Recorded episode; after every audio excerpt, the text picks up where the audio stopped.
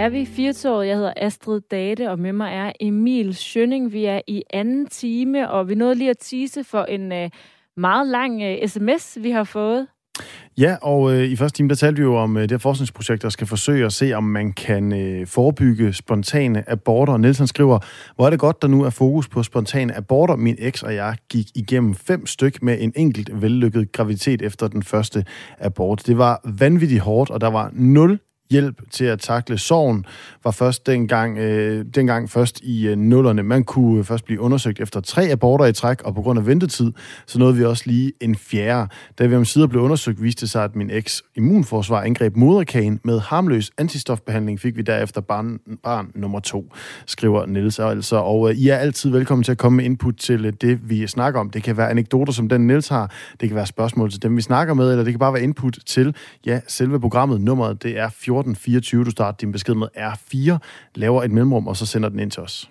Og noget af det, som øh, det skal handle om denne her time, du altså kan kommentere på, det er øh, blandt andet øh, Rolling Stones, som øh, har en øh, meget kendt trommeslager.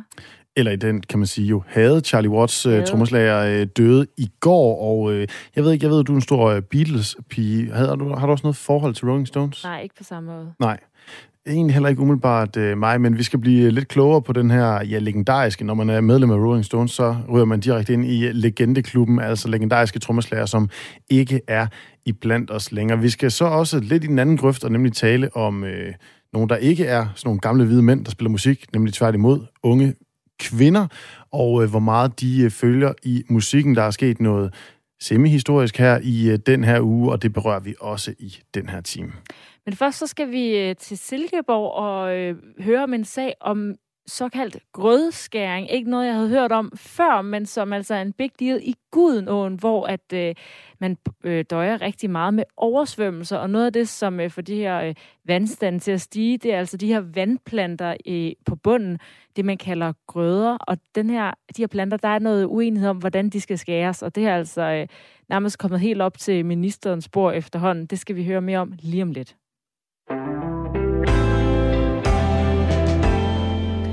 For udover at tiltrække naturelskere og kajakroer, så tiltrækker Danmarks længste vandløb, Gudnåen også en masse problemer for de syv kommuner, der den løber igennem. Oven på sådan en øh, våd sommer i Danmark med skybrud på skybrud på skybrud, så kæmper mange hus- og sommerhusejere langs Gudenåen mod oversvømmelser og stigende vandstande. Og med udsigten til, at vi kun får mere regn i Danmark, ja, der fik øh, sidste år de syv borgmestre sig samlet til at lave en fælles plan mod de her vandmængder fra Gudnåen. I Silkeborg Kommune har man på det seneste taget nogle ekstra tiltag for at komme oversvømmelserne til livs, men det risikerer at få dem på kant med politikere og borgere i andre Gudnå kommuner, det skriver TV2 Østjylland. Silkeborgs Kommun, øh, Silkeborg Kommunes Klima- og Miljøudvalg har nemlig besluttet at gennemføre en såkaldt grødeskæring for anden gang i år, og øh, noget af det, der får vand til at stige Gudnåen ud over regn, det er altså øh, vandplanterne, som Astrid også nævnte før, bliver kaldt øh, grøde. Vokser grøden for tæt, jamen så kan den nemlig bremse vandet så meget, at vandstanden den bliver for høj. Men øh, forvaltningen i Silkeborg Kommune, de vil ikke skære i øh, grøden igen, for som reglerne er nu, er det kun tilladt at foretage én grødeskæring om året. Også øh, formanden i kommunens klima- og miljøudvalg, Claus Løve Klostergaard, var imod, men øh, blev nedstemt i udvalgets beslutning om at grødeskære en ekstra gang. Jeg synes klart, det er skråplan, at man som politiker går ud og går direkte imod en lovstridig behandling af en sag. Og derfor så synes jeg også, at det er klart skråplan, og det jeg vil gerne advare imod, at øh, det er den vej, man kører fremadrettet. Vi skal høre, hvorfor Silkeborg Kommune vil lave en ekstra grødeskæring i Gudenåen, og hvorfor og nabokommunen Viborg er utilfredse med det. Men øh, først skal vi lige komme lidt nærmere på, hvad grødeskæring er, og hvorfor det er et problem, at Silkeborg Kommune skulle gøre det for anden gang i år, hvis det nu kan stoppe oversvømmelserne. Velkommen til dig, Annette Bostrup Pedersen, seniorforsker på Aarhus Universitet. Tak. Altså først og fremmest, vi skal jo lige have lidt øh, styr på øh, sådan de praktiske ting her. Hvad er det her grødeskæring? Jamen en grødeskæring, det svarer til, at man går ud og skærer planterne i åen. Lidt ligesom hvis du tager plæneklipperen og, og sår din græsplæne, så er det lidt på samme måde. Øh, man skærer simpelthen planterne lige over bunden. Og hvorfor gør man så det?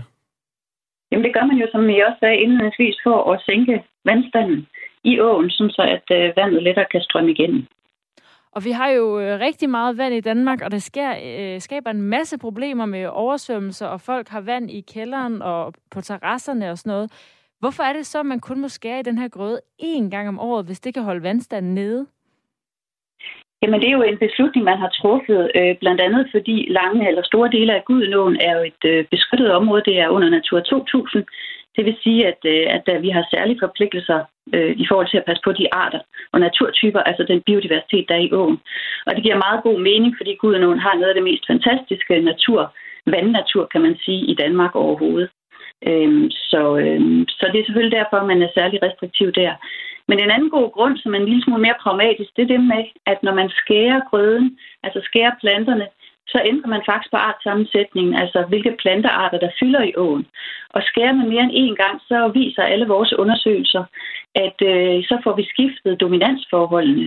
Og så risikerer vi, eller ikke bare risikerer, vi ved faktisk, at det, der kommer til at ske, det er, at vi får en anden art ind, og som kommer til at fylde rigtig meget. Den art er allerede i Gudenåen. Den fylder ikke så meget. Men hvis vi skærer meget, så kommer den til at fylde rigtig meget, og den hedder pindsvineknop. Og den art, den har en rigtig stor genvækst. Det vil sige, at den lynhurtigt får vandstanden op igen. Bare på tre uger, så er effekten af din grødeskæring øh, sådan set i, øh, aftaget. Øh, og det er klart, at hvis du får lavet dit skift i din sammensætning af plantearter, så øger du behovet for skæring, og så mister vi rigtig mange arter, og vi får samtidig ikke løst problemet med høj vandstand.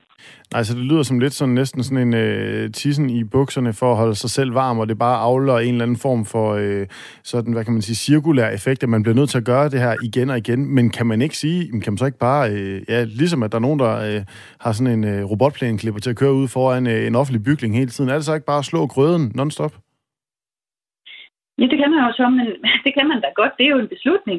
Det, der bare er ved det, det er, at vi har, som sagt, en øh, fantastisk natur derude. Øh, vi har en biodiversitet, vi skal passe på. Øh, vi har en krise, en biodiversitetskrise, og man kan sige, at noget af det, vi for alvor har i Gudenåen, det er jo en, det er jo en rig natur.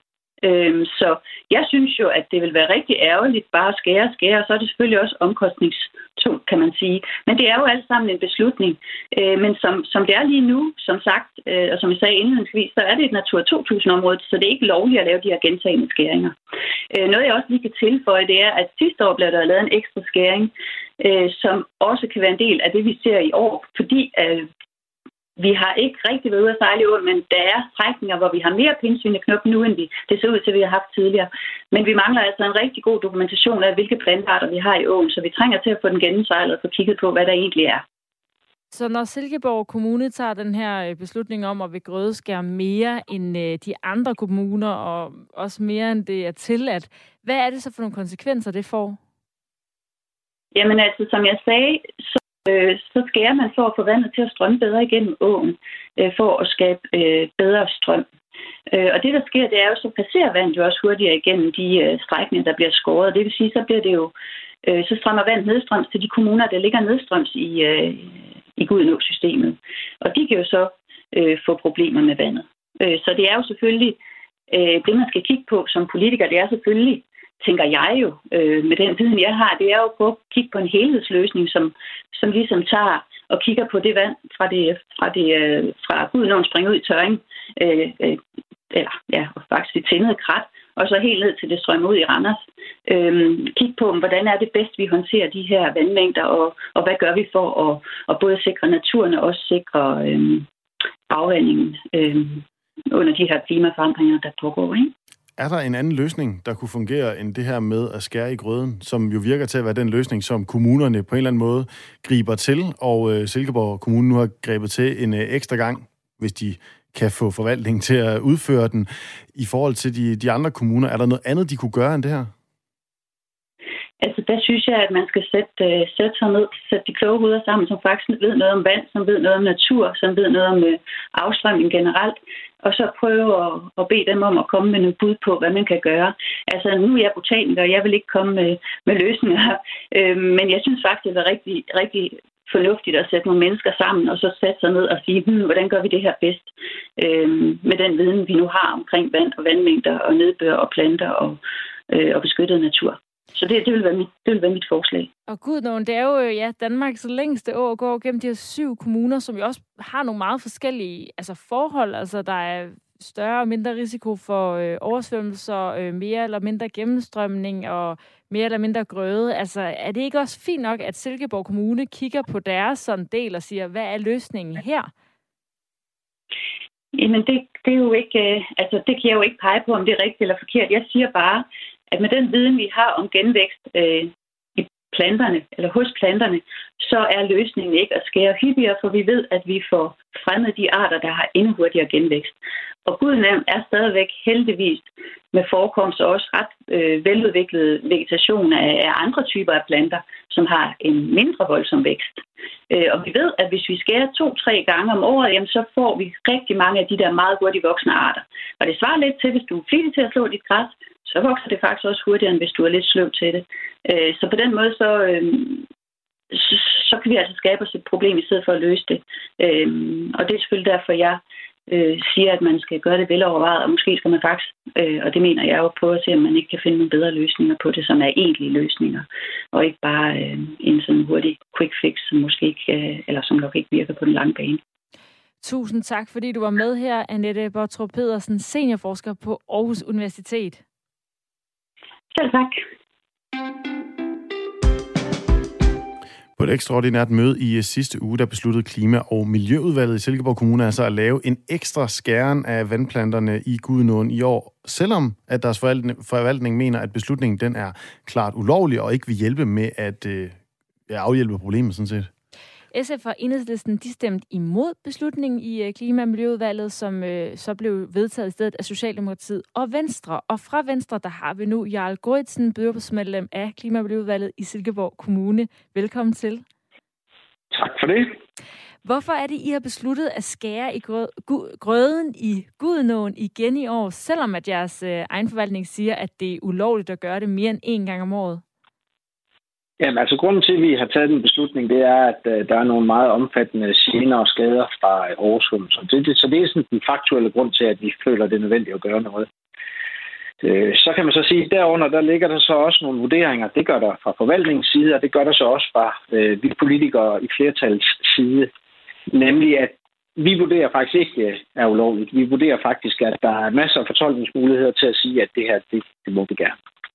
Og det kan godt lyde lidt øh, paradoxalt. Altså, hvad er det, der giver anledning til at stille spørgsmålstegn ved, at jeres embedsfolks fortolkning ikke er den rigtige? Altså, det er jo også deres faglige baggrund at uh, tolke lov og regulativer. Jo, jo, men altså, nu er de jo ikke, det er jo ikke mig, i sten, at det altid er rigtigt. Det er ekstrem øh, løs formuleret lovgivning, der er på de her områder her, og derfor er det meget stærk fortolkning der ind over. Der er to lovgivningsområder, der støder mod hinanden her. Det ene er vandløbsloven, som skal sikre, at vandløbene de kan bortlede vandet. Og det andet er nogle øh, naturbeskyttelseslovgivninger, som så skal beskytte nogle særligt listede arter. Og begge, altså især naturbeskyttelseslovgivningen, den er forholdsvis øh, bredt øh, og svulstigt formuleret, øh, og det giver plads til en masse tolkninger, og vi mener altså, at deres tolkning er for skrab. Vi mener altså, at der måske er både i henhold til vandløbsloven og i henhold til det konkrete regulativ, der er på bygningen. Altså udefra set, der kan det jo også være svært at se, hvorfor, altså, hvorfor skulle man altså, stole mere på jeres fortolkning som politiker frem for fagfolkene på området, og også i forhold til vurderingen fra de andre kommuner rundt omkring jer, som jo i virkeligheden også gerne ville ønske, at de kunne øh, øh grødeskære noget mere for at få øh, vand, vandstanden til at falde igen? Jamen altså, det er jo rent faktisk sådan, at vi, kan, vi har ikke fået en helt konkret øh, henvisning til, hvorfor det er ulovligt. Det er en bred tolkning. Der er ikke nogen fra embedsværket, der har sagt til os, det er der og der, det er de og de paragrafer, der gør det ulovligt. På samtidig har vi haft øh, møde med Miljøstyrelsen og spurgt om det samme. Og de bakker tilbage og siger, kære venner, det er jer, der er vandløbsmyndighed. Vi har ikke nogen øh, afgørelse på det. Øh, det, det er jer, der skal træffe afgørelsen. Og vi har to ministerbreve, som siger til os, at vi er vandløbsmyndighed, og derfor skal vi sørge for, at vandet kan løbe. På den anden side skal vi også holde øje med naturbeskyttelsen. Så ingen har nogensinde sagt til at skære venner, det er sådan her, og det er derfor. Så må vi jo sætte noget i gang, og så må det blive prøvet. Og det er jo ikke hele Klima- og Miljøudvalget i Silkeborg Kommune, der deler dit syn på sagen. Jeres formand, Claus Løve Klostergaard fra SF, han stemte imod beslutningen. Han fortalte os tidligere i dag, hvorfor der har man taget en ulovlig beslutning om, at man skal skære en ekstra gang grødskæring derude. Og udover at det er en ulovlig handling, ja, så ødelægger det nogle af de planter, der er derude.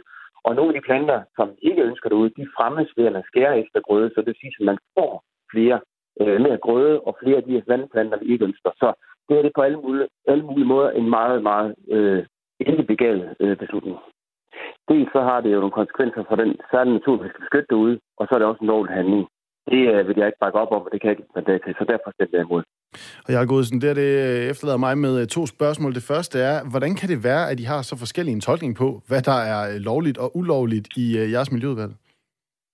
Jamen altså, det, det hele stammer jo fra forskellige politiske ståsteder, og det er vi jo vant til i mange andre sam, øh, sammenhænge. Altså, vi er nogen her, der siger, at vi må pragmatisk finde ud af at løse de problemer, og så er der selvfølgelig nogen, der hælder mere til at sige, at vi må ikke røre den Gud noget lige meget, hvad der sker. Det tror jeg nok faktisk, øh, kan, det er nok udgangspunktet.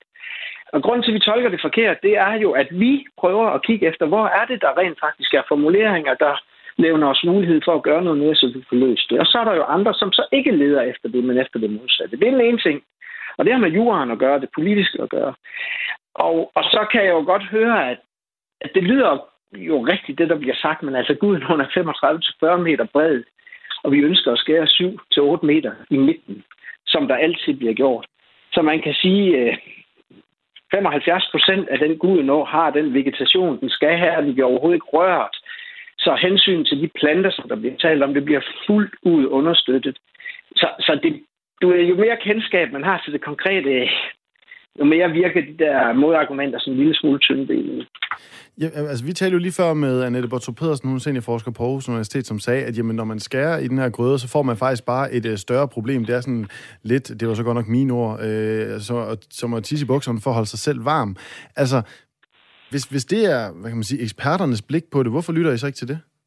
Jamen, jamen, der er jo simpelthen så mange eksperter. Vi får jo også øh, folk, som mener det modsatte, eller mener noget mindre omfattende. Men som jeg sagde til jer lige før, det er jo kun i midten af åren, vi ønsker at skære 75 procent af åren, har det jo præcis, som øh, Annette gerne vil have. Den skal have det. Men vi bliver bare nødt til at se, der er altså i hundredvis af mennesker, som rent faktisk har deres almindelige ejendom truet.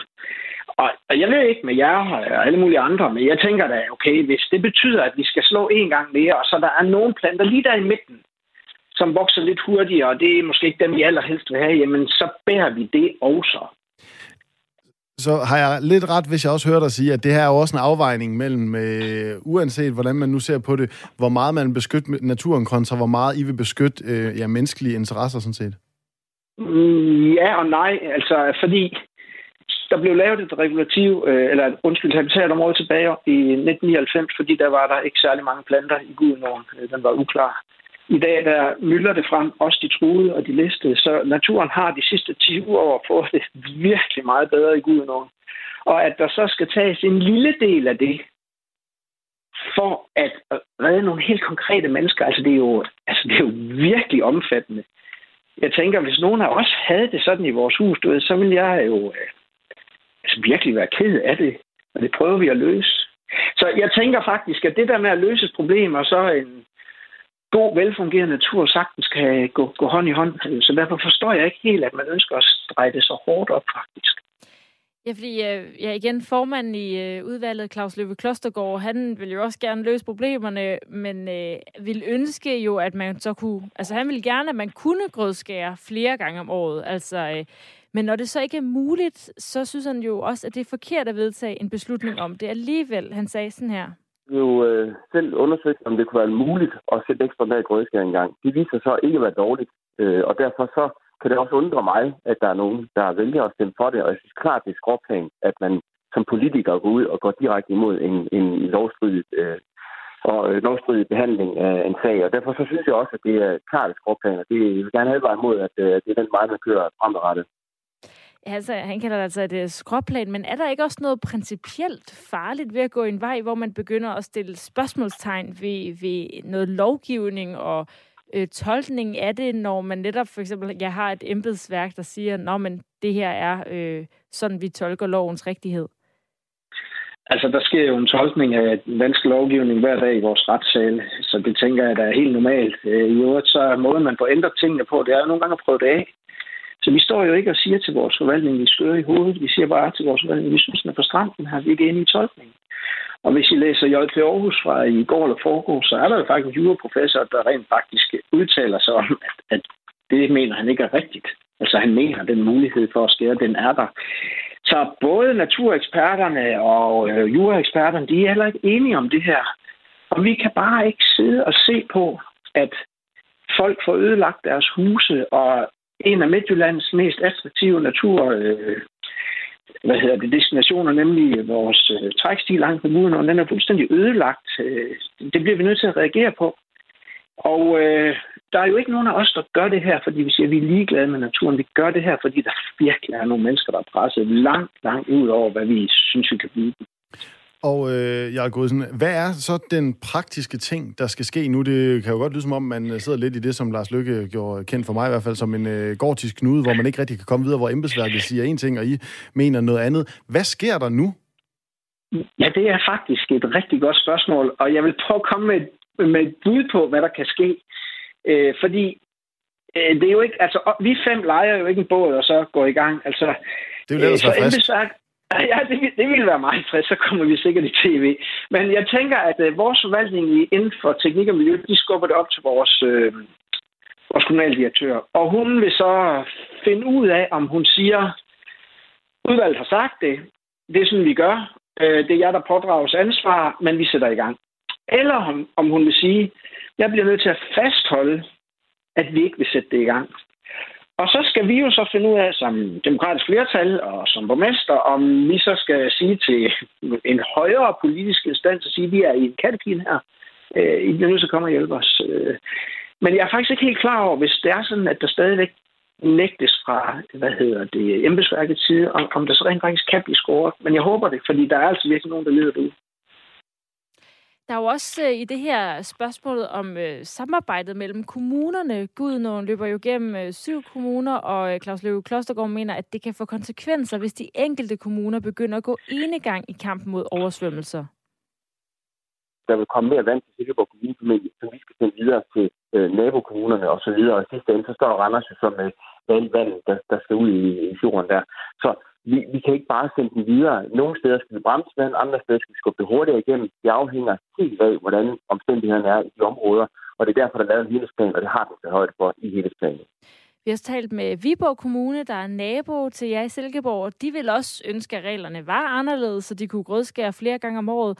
Men de er overrasket over jeres beslutning, som de også mener jo er imod reglerne. Det fortalte formand for Klima- og Miljøudvalget i Viborg Byråd, Stine Damborg, til os tidligere i dag. Øhm, det var jeg en øh, anelse overrasket over, i det at øh, vi tidligere har haft dialog med Silkeborg og Favreskov og Randers, hvor Viborg Kommune har foreslået, at vi skulle netop grødskære to gange om året, og faktisk med mulighed for en ekstraordinær grødskæring. Og det synspunkt, det stod vi alene med. Og derfor så sendte vi sådan en ansøgning til, eller en, en besked til ministeriet om, at de måtte prøve at træffe en afgørelse i den her sag omkring grødeskæringer. Og så efterfølgende, der har Silkeborg så alligevel valgt at træffe en beslutning omkring øh, to årlige grødeskæringer. Og det er jo, det er jo imod det regulativ, der, der foreligger. Og det betyder jo, at når vi så i Viborg holder øh, regulativet omkring den her årlige grødeskæringer, som vi har lov til at lave, så betyder det jo, at vi får, øh, kan risikere at få en noget øget vandstand, hvis Silkeborg gør, gør brug af, af den beslutning, de har truffet. Jarl Godsen, jeg har en øh, kolonihave, og øh, der glemte jeg lige at øh, klippe hækken i år, og der blev jeg utrolig upopulær hos de andre, fordi det har vi jo aftalt, at øh, vi gør. Så, det er jo, så går ens nabo og kigger underligt på en op i sådan en haveforening. Det er jo ikke særlig sjovt. Risikerer I ikke også i måske lidt større skala at komme på tværs med jeres nabokommuner ved den her beslutning om at grødeskære en ekstra gang i jeres del af Gudenåen? Og der var rigtig, rigtig mange ting i alle de ting, der lige er blevet sagt. Men, men lad mig starte med at sige, at vi gør jo kun det her af én årsag. Og det er, at der er folk, der er presset på deres private ejendom og deres almindelige sådan velbefindende i langt, langt højere grad, end nogle af de berørte politikere har prøvet til. Så det er jo derfor, vi gør det. Dertil vil jeg så sige omkring Viborg. De er faktisk lige ved at få skåret gået nu. Det er færdigt om en dag eller to. Og den vandledningskapacitet, der er i Viborgs del af Gudenåen lige nu, den er totalt perfekt. Og den kan sagtens æde det vand, der skal komme, hvis vi får scoret. Jo, der er der Tangesø, den er 13 km lang. Der kan man arbejde lidt med vandoverfladen og holde lidt tilbage og få det doseret, så der ikke kommer nogen oversvømmelser i Viborg Kommune. Så jeg er faktisk overhovedet ikke bekymret på Viborg Kommunes vegne. Jeg har arbejdet med det her i otte år og har læst vandstand, og det her det bliver ikke noget problem med. Der kommer ikke nogen flodbølge i Bjergenbro, det behøver du ikke være bange for.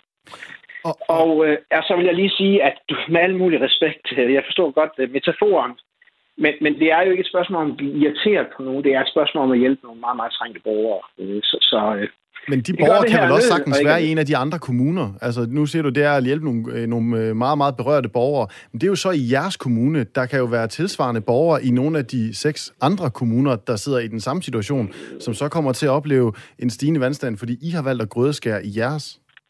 Nej, fordi det er simpelthen ikke sådan, det er. Altså, der er simpelthen ikke byer og øh, menneskelig aktivitet på samme måde ned til øh, Gudenåen neden for os, som der er i Silkeborg Kommune. Så det er nogle helt særlige forhold, vi har her, så det er simpelthen ikke på samme måde et problem. Der er lige Bjergenbro, men som jeg lige har fortalt, så er vandføringsevnen så god, at Bjergenbro ikke vil blive ramt overhovedet af det her. Men, men Fagerskov og Randers har simpelthen ikke de her oversvømmelsesproblemer, fordi der er simpelthen ikke blevet anlagt boliger og aktiviteter ned til, til åen. Så, så de får ikke de her problemer. Det bliver spændende at se, hvordan problemerne ender med at blive løst, om øh, det bliver med mere grødeskæring i uh, Silkeborg Kommune. Tusind tak, Jarl Goritsen, byrådsmedlem af Klima- og Miljøudvalget i Silkeborg Kommune, fordi du ville uh, være med her og fortælle i dag. Altid gerne. I ringer bare en anden gang, og god dag til jer. I lige måde. Og øh, vi skal også sige, at vi forsøgte også at få øh, fat i Silkeborg borgmester, men øh, det er ikke lykkedes i dag at komme igennem til ham.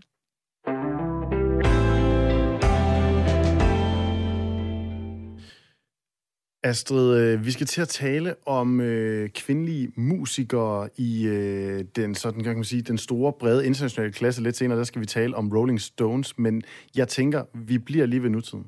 Ja. Og øh, nu skal vi have en lille quiz. Prøv at spille det her nummer.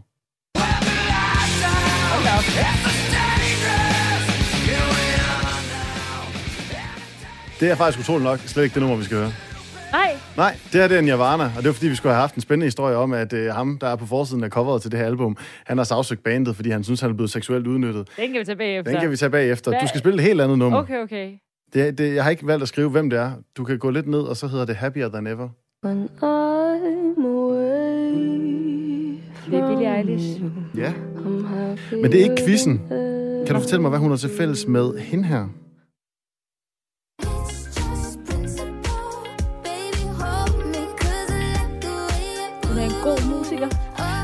Kvindelig ung. Ja, jamen, jeg kan komme dig i forkøbet, fordi det, jeg ved godt, du ved, at det er, det Doja Cat, en amerikansk kunstner. Men faktisk så er quizzen slet ikke færdig. Vi skal høre en enkelt artist mere fra hver Billie Eilish og altså Doja Cat her til fælles med hende her.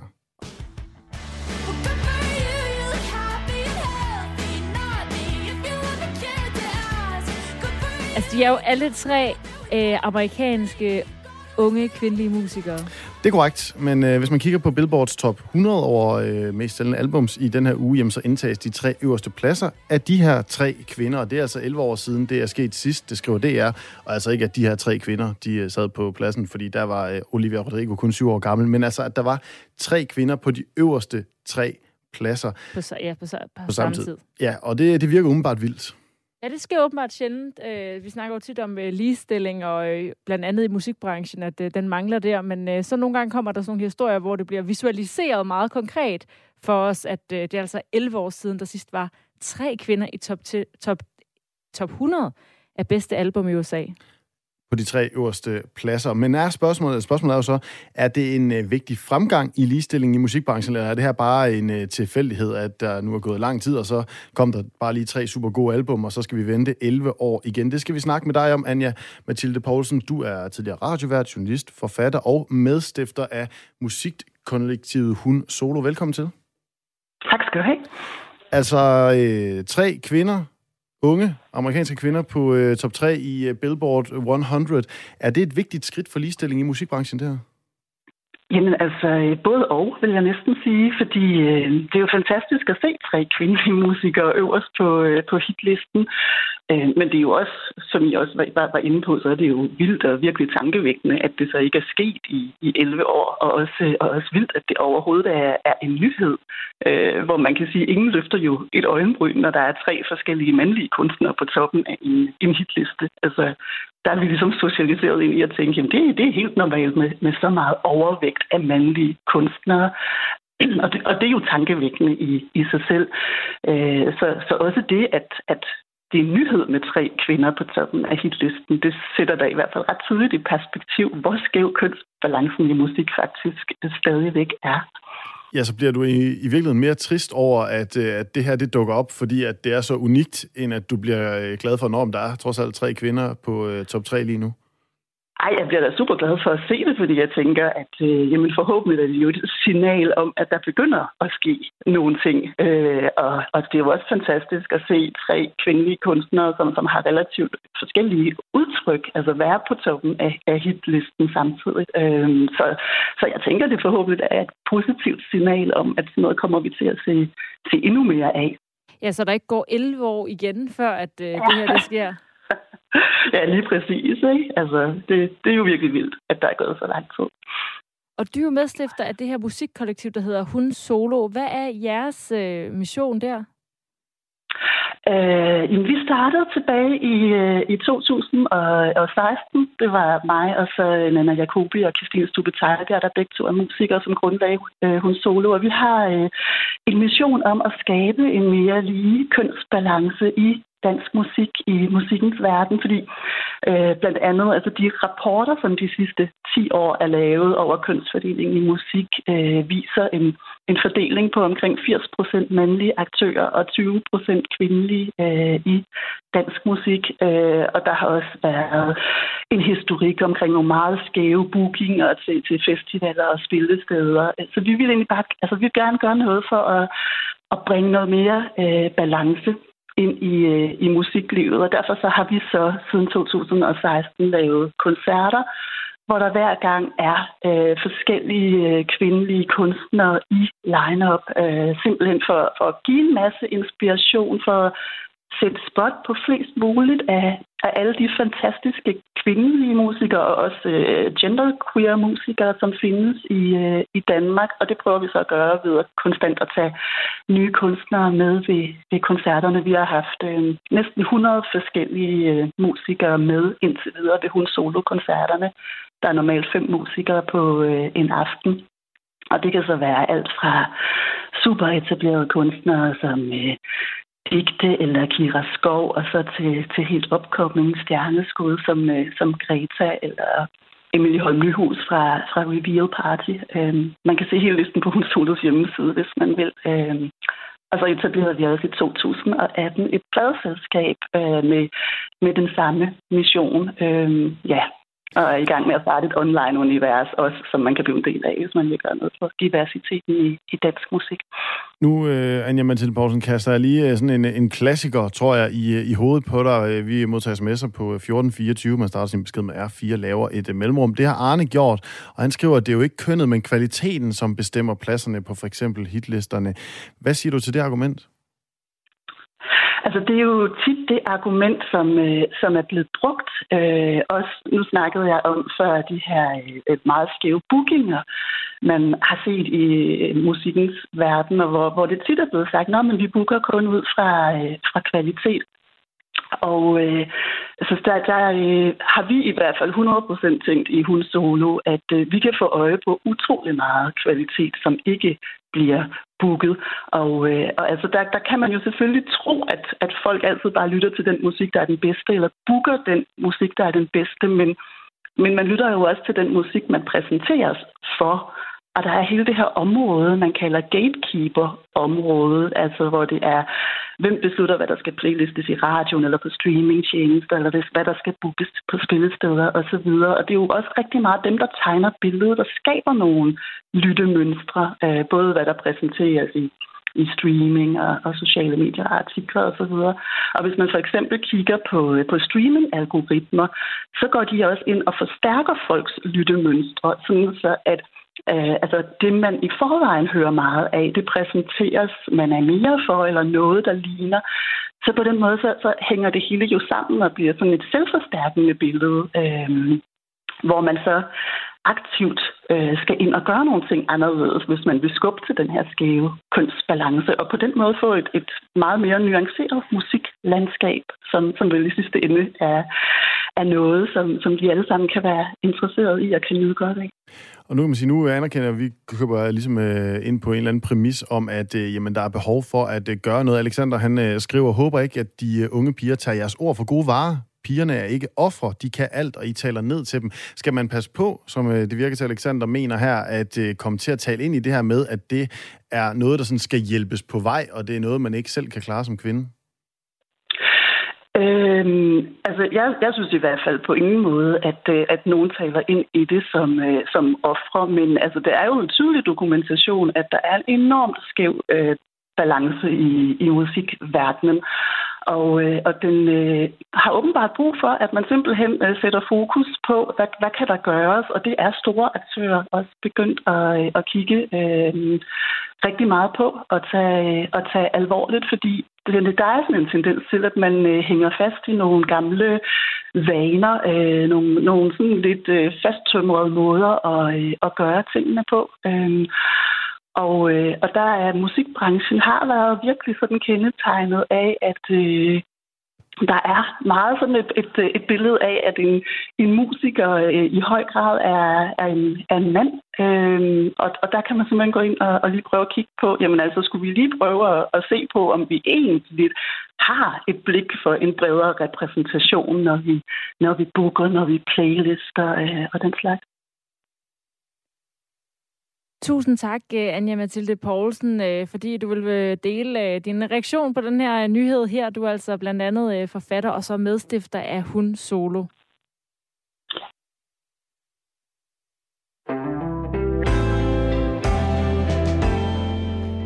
Og så skal vi til øh, dagens quiz. Vi øh, quizzer hinanden, Emil og jeg, herinde i studiet i dagens hovedperson. Og øh, det har vi gjort øh, i de her uger, hvor vi har været sommerværter her på Firtoget, og lige nu er stillingen sådan, det er jo i virkeligheden med jer lyttere, at jeg har tabt tre gange til lytterne, og Emil han har tabt to gange til lytterne. Og det er i dag Emil, der skal gætte, så det er mulig, der er en mulighed for, at det kan udlignes, hvis lytterne derude, det er jer, hvis I er skarpe og skriver ind til 1424 R4 mellemrum navnet på dagens hovedperson. Jeg kommer med nogle tips her, og så øh, gætter I altså bare løs. Og så handler det altså om at gætte det, før Emil når frem til, hvem dagens hovedperson er. Og øh, jamen, det kan jo så gøre, at øh, vi er tilbage med et, øh, kan man sige, meget, meget spændende opløb, hvor der står øh, 3-3 med kun to udgaver af fire tog tilbage. Også den øh, totalt forfærdelige oplevelse, at det kan nu have gjort det hele. Den tid, den glæde. Nu skal vi øh, til, øh, hvad hedder det, dagens hovedperson. Og jeg er meget spændt, fordi du har været i gang helt frem til øh, udsendelsestart med at lave dagens hovedpersoner. Det kunne godt tyde på, at den bliver svær. Jamen det er fordi, det skal jo være en person. Det kan jo ikke være et land, eller et sted, eller en, øh, en app, eller noget. Der er, det er en person, der er hovedpersonen. Så det var lige at finde øh, de nyheder. Første tip, det er, at dagens hovedperson har boet i Kina. Ja, ja, ja, ja, ja. Er det, er det øhm, Xi Jinping? Nej. Det har han sikkert. Gør han det ikke stadigvæk? Jo, jo. Dagens hovedperson har været i fængsel. Jeg skal høre, hvad for en tolkning af Kina det er. Er det nyannekteret Hongkong-Kina, eller er det fastlandskina? Det kan man ikke spørge om. Okay. okay. Jeg tror, det er fastlandskina. Okay. Han har været fængslet. Øhm, bum, bum, bum. Ja, ja. Han har boet i Kina. Dagens hovedperson er 172 cm høj. Okay, for jeg var, jeg var sådan lige med, om det var Yao Ming, den øh, legendariske kinesiske basketballspiller. Men det er det nok ikke så, fordi øh, han er meget bekendt øh, et, øh, et, et stykke over to meter. 1,72. Nej. Øhm, er det øh, Puk Damsgaard? Nej. Er det Philip Kokar? Nej. Nå. Øh, dagens hovedperson har en yndlingsartist, som er øh, Frans Ferdinand. Eller Frans Ferdinand. Ja. Nummeret det er øh, R4, man starter sin besked, eller nummeret det er 1424, man starter sin besked med R4, laver et mellemrum, og så navnet på dagens hovedperson, hvis man ved det. Og øh, der er mulighed for at uh, snuppe sejren fra mig, fordi jeg ved ikke lige helt, at Jens Rode, han er mere end 1,72. Okay. Han slår mig som en, der elsker Frans okay. Ferdinand. Dagens hovedperson har også haft åbnet to burgerrestauranter. Ja. Jeg har det jo som om, at dagens hovedperson er, er, er hvad hedder det, dansker, men det er jo ikke sikkert. Jeg har det jo også som om, at dagens hovedperson er kvinde. Vi, øh, vi prøver lige at snævre det lidt ind. Ja. Dagens hovedperson har lavet et album, der har samme navn som vedkommendes mor. Og elsker Frans Ferdinand. Er det Burhan G? Nej. Han er sikkert også lidt højere end 1,72. Det er, og det må være en dame. Dame, en dame. Jeg ved det ikke. Hvorfor må det være en dame egentlig? Det er, fordi jeg tænker, sådan en lidt høj dame på 1,72. Det er måske en lidt lav mand Der på, har lavet et album til. til sin mor. ja. Det tænker du, at øh, alle mænd gør. Okay. Der er noget ødipus der. Dagens hovedperson har vundet 21 Grammy'er. Jamen, det er jo en musiker, tydeligvis. Er det, er det Mick Jagger? Nej, Er det en for Rolling Stones? nej. Men det er en musiker. Nu tænker jeg, vi var ved musikken Ja. i dag. Taler om kvindelige musikere. Lige om lidt skal vi tale om Rolling Stones. Mm. Ej, jeg er helt pas. Jeg, jeg har ingen bud. Der er heller ikke nogen i sms'en. Nej, der er ingen. Det, den er for svær i dag. Okay, dagens øh, hovedperson har et navn, der på Swahili betyder The Only One. Jeg skulle til at sige, om det var Burner Boy, men det er det jo ikke. altså et kunstnernavn eller et rigtigt navn? Rigtig navn, tror jeg. Det tror jeg er et rigtigt navn. Jeg har fulgt rigtig godt med i nyhederne i dag. Jeg kan simpelthen ikke regne ud, hvem det skulle være. Jeg er faktisk meget skuffet over dig. Det vil jeg faktisk... Øh... Er det Kanye West? Ja, Er det det? ja. jeg er meget... Ja, fordi jeg har taget nogle... Jeg vil medgive svære tips, men det er fordi, du ved alt om Kanye West. Du har læst meget om Kanye West i mange år. Hvad er det mange for et album, artikler. han har lavet til sin mor? Donda? Det er jo ikke lavet endnu. Ah, nej. Okay, men det er fair nok. Det hedder det samme som hans mor. Ja. Hvis du godt, at hans mor hed Donda. Ja, Nå, jeg burde have tænkt over det. Men jeg tænkte slet ikke... Jeg tænkte slet, jeg tænkte, vidste du det godt? jamen, jeg tænkte, det var en dansker jo. Nå, men hvorfor er Kanye West dagens hovedperson i dag? Det er fordi, og det er, det er en, en, en, en, en nyhed igen, kan man sige, at han, øh, nu vil han simpelthen ikke længere hedde Kanye West. Hva? Og øh, det var det samme, det skete også i, i, i 2018. Jeg synes, jeg fandt en ældre artikel også, hvor han også var ude at være sådan, jeg vil gerne have skiftet navn. Men nu har han altså skrevet, at øh, han, nu vil han bare hedde Ye, eller altså YE, Ja, Kanye Ye. West. Han vil hedde Ye, ligesom et album. ja og ligesom hans øh, kælenavn altid har været. Og som hans kælenavn, øh, nu skal det være hans officielle navn. Det skriver øh, Soundwaren jo, at øh, TMC har skrevet. Der dummede jeg mig over ved at have været på de store aviser for at kigge dagens nyheder. Jeg må andre ved du hvad, jeg anerkender, Jeg havde, den her, jeg den tænkte- har jeg tabt. Der står 3-3 nu. Du var glad for... Øh, Ja, den burde jeg have gættet. Ja, det er det, jeg tænkte. Jeg kalder det et nederlag. 3-3 står der nu i dagens hovedperson.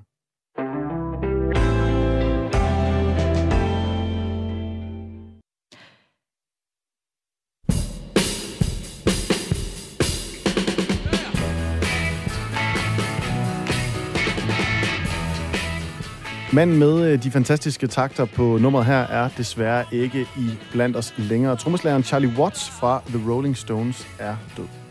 Det britiske ikon så stille ind på et hospital i London, og øh, der kunne hans, øh, ja, det kunne hans talsperson så offentliggøre i går. Han blev 80 år gammel, og dermed så er han altså et af rockhistoriens største band, der har mistet sin øh, takfaste og ikke mindst stabile og øh, afdæmpede klippe.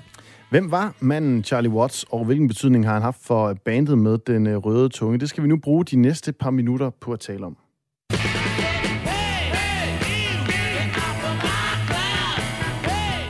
Og til at hjælpe os med det, der vil ringe til dig, Paul Norrik, rockhistoriker, indehaver af Memory Lane Rock Museum, og ikke mindst Rolling Stone-fan. Velkommen til. Tak skal du have. Hvad tænkte du, da du læste nyheden om, at uh, Charlie Watts altså er gået bort? Det er sådan, at øh, når man er samtidig, nu er jeg godt nok kun 71, men når man er vokset op i 60'erne med Rolling Stones, Beatles og hvad det hedder alle sammen, Elvis, så har man øh, sådan en fornemmelse af, at man kender den. Og det gør man jo i virkeligheden ikke, fordi man kender dem kun gennem deres musik, koncerter og sådan noget. Men på en eller anden måde, så er sådan nogle popstjerner og musikere, filmstjerner, de bliver sådan en del af ens liv-identitet. Så da hvad her, han, øh, John Lennon blev skudt, og nu har Charlie Watts død, så tænker man, ah, ah, det er sådan ligesom et, et, et hul, der opstår i, i det musikunivers, som man er vokset op med. Så øh, fair nok, manden var 80 år, men, det er sådan en, jeg har set øh, og hørt rigtig mange gange spille. Og hvad kendetegner personen Charlie, Charlie Watts? Og igen, jeg kender ham ikke personligt, men det indtryk, vi har gennem ved at stykke mediernes billede af ham sammen, og det kan man også se, der koncerter, så er han jo sådan den, den mere rolige fyr. Uh, Bill Wyman stod også stille med bassen, men, men øh, her, han, øh, trommeslæren her, øh, Charlie Watts, han, han sagde jo altid sådan lidt stift ved trommerne, i hvert fald med ansigtsmimikken. Og øh, så arbejdede ben og hænderne altså, øh, vældig godt ud af.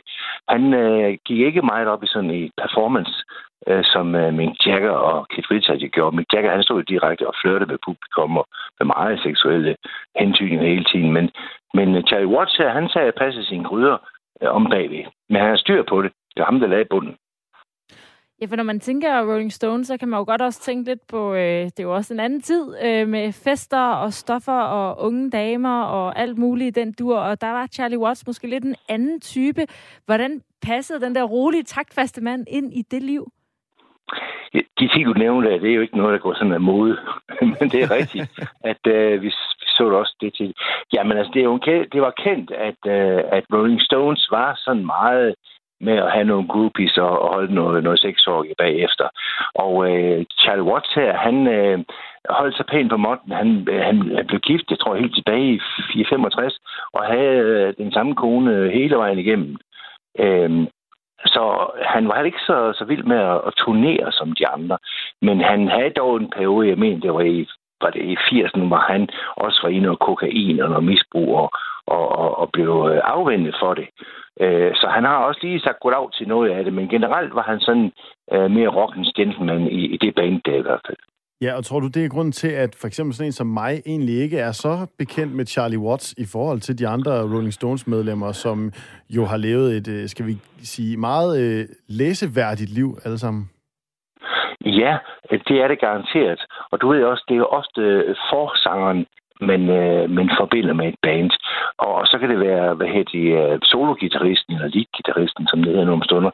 Øh, fordi de kan stå og lave nogle flotte riff og, og nogle soloer og sådan noget. Og tager man for eksempel Rolling Stones, jamen, så er Mick Jagger en meget, meget markant øh, flørtende øh, forstanger. Han elskede det her performance og, og stå ud og dreje kroppen og, og virkelig have, have kig på, at nogen, der ser mig. Og samme gælder jo Keith Richards der, som jo lavede nogle fantastiske riff i, for eksempel uh, The Under Assistance, West Coast Promotion Man og, og hvad hedder det, Satisfaction og sådan ting. Det var han jo eminent til, og derfor er det meget dem, vi sådan forbinder.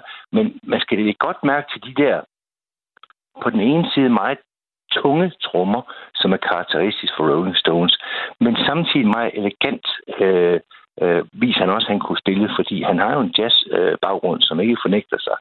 Så øh, det, men, man, han er ikke så farverig som de andre, men, men det var godt nok ham, der, der det er jo trommeslæren og bassisten, der styrer pulsen i et band. Det kan en sanger og en guitarist ikke gøre noget ved.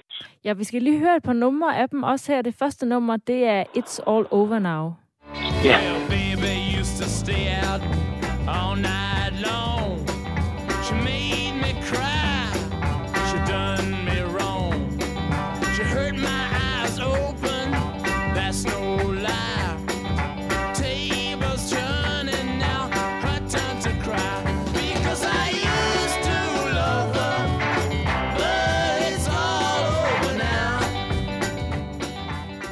Paul Novak, hvorfor er det her nummer relevant at høre, når man skal forstå Charlie Watts evner på trommer? Øh, for det første synes jeg, det er et typisk nummer fra den øh, startperiode, hvor de har spillet en del rhythm and blues. Øh, og her synes jeg, man, man tydeligt hører det meget tunge trommeslag, dobbeltslag på store trommen. Det er meget øh, synligt og bærende i det nummer. Men hvis man lytter efter, så laver han en lille smule meget let spil med trommestikkeren på lille trommen, og så bruger han egentlig hi-hatten til at lave nogle, nogle meget, meget øh, skæve øh, pulser. Men det ligger så præcis. Men man lægger ikke mærke til det, men man hører i hvert fald store trommen, men han arbejder faktisk på alle tre fronter øh, i de numre der. Det og det er meget typisk for, for, for, for Stones. Øh, meget af Stones musik er den her øh, tunge øh, trommespil på stortrummen. Vi skal høre et nummer mere. Vil du ikke sige, inden vi hører det, hvad vi skal lytte efter? Det er Pain in Black, og vi skal tilbage til 1966 fra albumet yeah. Aftermath. Yes, og der, det er jo et meget hæsblæsende, energisk nummer. Og der skal I prøve at lægge mærke til, øh, hvordan lille trommeslagene, han har enormt travlt. Det er lille tromme, der, der er virkelig aktiv der. Prøv lige mærke til, hvor taktfast og hurtigt den kører, og hvordan han får lavet trommevivler, så det, det bare lige siger, wup, og så er han tilbage igen. Det er eminent godt gjort.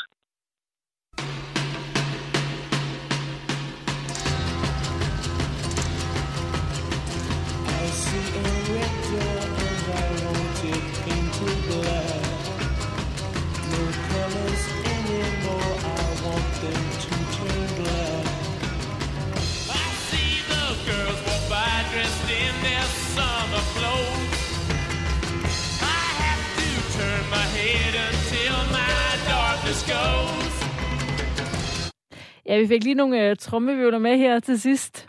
Ja, det var en lille smule til sidst, og dem er der rigtig mange her i de numre. Så, men man fik lige snærende det, jeg prøvede på at fortælle. Og meget, det... meget uh, takt, uh, fast, uh, stabil trommeslager. Og, og, og det at spille så hurtigt, og skal lave så hurtigt trommeviv, og så ramme så præcis ind, det skal man være en, en øvegud for. Jeg tænker også, altså, når jeg tænker Rolling Stones, så er det jo meget uh, guitar-riffet og, og guitar-soloerne. Ja. Altså, kan man sige, at han i virkeligheden er sådan lidt en kondisør, der er gået lidt i, i baggrunden, Charlie Watts, og siddet derovre med sit uh, næsten helt uh, stendøde ansigtsudtryk, og, og, og i virkeligheden være en sand mester? Jeg, øh, jeg tror ikke, han har ikke nogen ambition om. Han vidste godt, det var Mick Jagger og, og Keith Richards, der var de dominerende, og, i starten også øh, øh, en af de andre.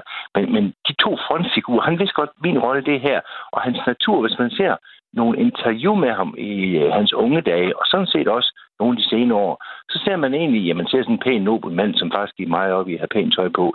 Men, men han er også egentlig sådan lige på kanten af til at være lidt generet øh, jamen, øh, det jeg har at fortælle, er det noget, I gider at høre om. Øh, så han er ikke sådan en farverig person, men øh, øh jazzbaggrunden og rhythm blues og, og sådan lidt tung øh, rock, øh, det fagnede han altså, og, og det, øh, det var ham, der, der var pulsen i det band. Og, og tager du for eksempel Beatles, jamen, så er det meget, meget lettere trommespil, øh, hvad her han, Ringo Starr, han laver der. Og der er mere øh, Beatles vokalharmoni og de flotte sange, der er i front. Men her er det Mick Jaggers stemme og riffene, og så den her tunge, pumpende øh, trommelyd, som, øh, som ofte hører, men som alligevel er, er finesseaktiv på mange måder.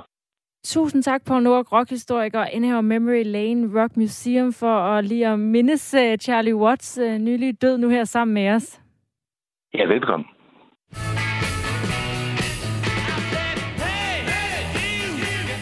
Ja, han blev altså 80 år gammel, Charlie Watts, og øh, har allerede, de har allerede meldt øh, afbud til den amerikanske tur, som bandet skulle have været på her til efteråret, og nuværende står det sted til at blive afviklet, men hvor det efterlader Rolling Stones, det ved vi altså ikke endnu. Til gengæld, så ved vi, at den her jingle betyder, at det er ved at være slut, og vi kun mangler én ting her i 24 for i dag, og det er dagens omgang satire med specialklassen.